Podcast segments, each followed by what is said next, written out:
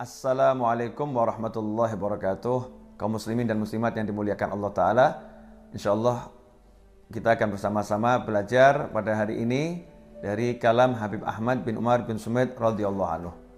Beliau radhiyallahu anhu berkata Kharaja darwishun fi ayyami Sayyidina Ahmad bin Zain mutashammiman li ta'ah wa huwa rafi'ul himmah an tashawuf ilan nas.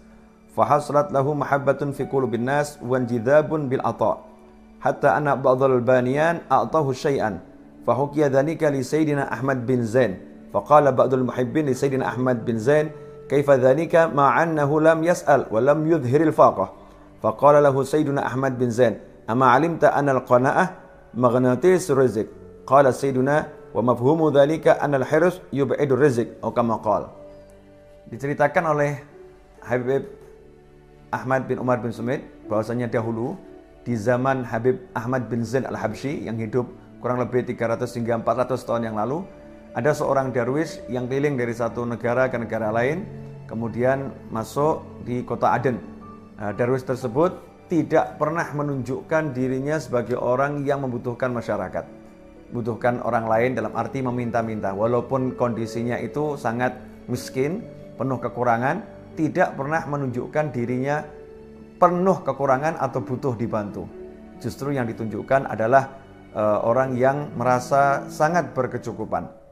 Kemudian masyarakat pun mencintainya karena ia toat, dia ibadah bagus dan tidak pernah mengharapkan bantuan atau tidak pernah meminta kepada siapa pun. Nah, sampai-sampai yang non-muslim pun karena akhlak yang mulia ini yang non-muslim pun datang memberikan hadiah yang muslim masyarakat pun banyak yang berikan hadiah. Salah seorang pun bertanya kepada Habib Ahmad bin Zain Al-Habsyi radhiyallahu anhu, bagaimana ini bisa terjadi? Dia tidak pernah menunjukkan dirinya penuh kekurangan, tidak pernah menunjukkan butuh, nggak pernah minta, tapi justru masyarakat berdatangan memberikan hadiah kepadanya sampai-sampai yang non-muslim pun ikut memberikan hadiah. Mengapa ini bisa terjadi? Maka Habib Ahmad bin Zain radhiyallahu anhu berkata, "Apakah engkau tidak mengetahui bahwasannya sifat qanaah itu merupakan magnet yang mampu menarik rezeki. Kona'ah, magnet yang mampu menarik rezeki. Seseorang yang kona'ah, dia menerima apa yang Allah berikan kepadanya, merasa cukup dengan karunia Allah Subhanahu wa taala.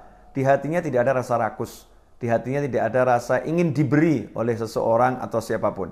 Dia hanya mengharap pemberian Allah Subhanahu wa taala.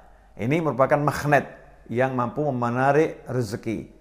Kemudian Habib Ahmad bin Umar bin Semit mengomentari pernyataan Habib Ahmad bin Zain di atas tadi, kalau kona'ah merupakan magnet yang mampu menarik rezeki, maka sebaliknya rasa rakus, rasa tamak itulah yang menjauhkan rezeki dari seseorang. Oleh karena itu ikhwani, jika dalam kehidupan ini kita merasa susah mencari rezeki, sulit mencari rezeki, eh, ekonomi begitu dalam keadaan yang terhimpit, maka telitilah hati kita hati kita ingin diberi, mengharap kepada orang lain, mengharap pemberian orang lain, atau merasa cukup dengan yang diberikan Allah Ta'ala dan hanya mengharapkan tambahan karunia dari Allah Subhanahu wa Ta'ala. Jika hati kita betul-betul menginginkan karunia Allah dan tidak rakus apa yang ada di tangan manusia, maka rezeki akan mendatangi kita. Baginda Muhammad Shallallahu Alaihi Wasallam dalam sebuah hadis beliau pernah menjelaskan kepada seorang sahabat, sesungguhnya harta ini manis dan hijau menyenangkan.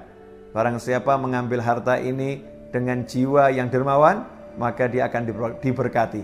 Dan sebaliknya barang siapa mengambil dengan jiwa yang rakus, maka dia tidak akan memperoleh keberkahan.